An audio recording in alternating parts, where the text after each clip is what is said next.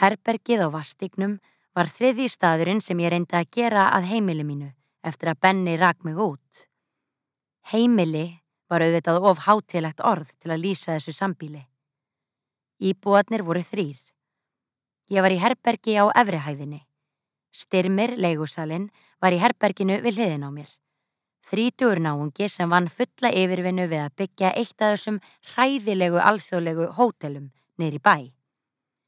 Ég sá hann næstum aldrei og það sama gildi um strákin í herberginu á neðrihæðinni. Hann hétt Tómas. Í þá tvo mánuði sem ég hefði búið á vastignum hafði ég varla talað við Tómas. Hann var frekar lágvaksinn, fingerður, hæglátur með kringlótt andlit, brosti oftast vinalega til mín en samt án þess að reyfa munnin, eins og hann væri of feiminn til að brosa. Hann var með þygt brúnt hár sem að let falla niður á ennið. Það var rétt nógu sítt til að ná að þela helmingin af breyðu, kannski 5 cm lungu öri á miðju enninu. Fyrir utan örið var hann fullkomlega óeftirminnilegur í útliti. Tómas var öruglega rétt yfir þrítugt, kannski þremur fjórum árum eldri en ég, og var að læra fordleifafræði. Í eina samtalin okkar sem varði lengur en í eina mínútu komst ég að því að fyrir utan nokkur ára á Íslandi í Bernsku hafði hann búið í Noregi allt sitt líf. En mamma hans væri íslensk og þess vegna talaði hann íslensku. Hann kom aftur til Íslands fyrir þremur mánuðum til að taka hluta af náminu sínu hér. Í fyrstu var ég á Varðbergi Gagvar Tómasi, eins og öllu öðru fólki eftir að bókin mín kom út. En mér leið aðeins betur þegar ég heyrði að hann var í nýkomin aftur til Íslands. Hann vissi augljóslega ekkert um mig eða bókina mína og þeir styrmir virtust heldur ekkert tala saman. Þetta hljómar ekki eins og uppskrift af góðu sambíli en hendaði mér samt fullkomlega. Tilfinningin var frelsandi. Þessi andartök sem við Tómas vorum í sama herbergi var ég ekki umdeild og hötuð. Tómas vissi ekkert um mig og ég vissi eiginlega ekkert um hann heldur. Það var fínt að hafa það þannig. Við rákumst ekki hvort á annan nema á leiðinni inn og út úr húsinu. Hann var aldrei í eldúsinu á kvöldin. Ég heyrði hann aldrei horfa sjómarpið, hlusta á tónlist, sofa hjá stelpum, sofa hjá strákum, prumpa, hósta, ekkert.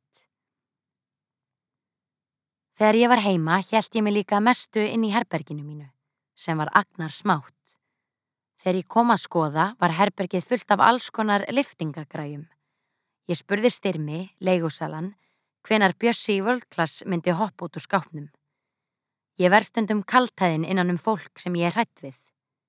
Styrmir svaraði ekki. Sæði bara að þetta drastleiri farið þegar hann fyndi leiðanda. Hann sagði orðið leiðandi eins og það væri önnur dýrategund en mín og horfið hrikalega móðgæður á mig. Ég gaf upp alla vonum herbergið en daginn eftir ringdi Styrmir og sagði að ég geti tekið það ef ég vildi. Auðvitað vildi ég ekki búa þarna en ég var að missa herbergið sem ég var í og átti engra annar að kosta völ. Það var enn liftingastöng á gólfinu þegar ég flutti inn, en ég þorði ekki að benda styrmi á það. Ég fann hvernig hann horfi á mig á meðan ég bar kassana mína upp á efrihæðina. Fullur fyrirletningar. Eins og hann væri vissum að það væri líkamslegar í þeim. Ég spurði hvort hann geti hjálpa mér að ber upp síðustu kassana, en hann sagðist vera að flýta sér. Hann væri orðin á setn í vinnuna. Samt sat hann enn við eldúsborði þegar ég kom með næsta kassa. Nú fannst mér hann horfa á mig eins og hann langaði til að gera mér megin. Ég svaf ekkert fyrstu nóttina. Leið hræðilega. Hjælt að kannski hefði þessi maður bara leikt mér herbergið að því hann ætlaði að drepa mig. Kannski væri þetta gamal vinur Benna og ég lendi meðri Stephen King rollvekju. Þetta var auðvitað bara ímyndun og barnaskapur. Næstu daga fylgdi ég glukkakistuna í herberginu mínu af kaktusum og hengdu plakkat af Patti Smith fyrir ofan rúmið og eftir viku var ég farin að sofa á nóttunni. Þótt kósi sé ekki orðið sem nokkur hefði notað til að lýsa herberginu mínu, hafði mér samt liðið aðeins skár eftir að ég flutti á vastíginn.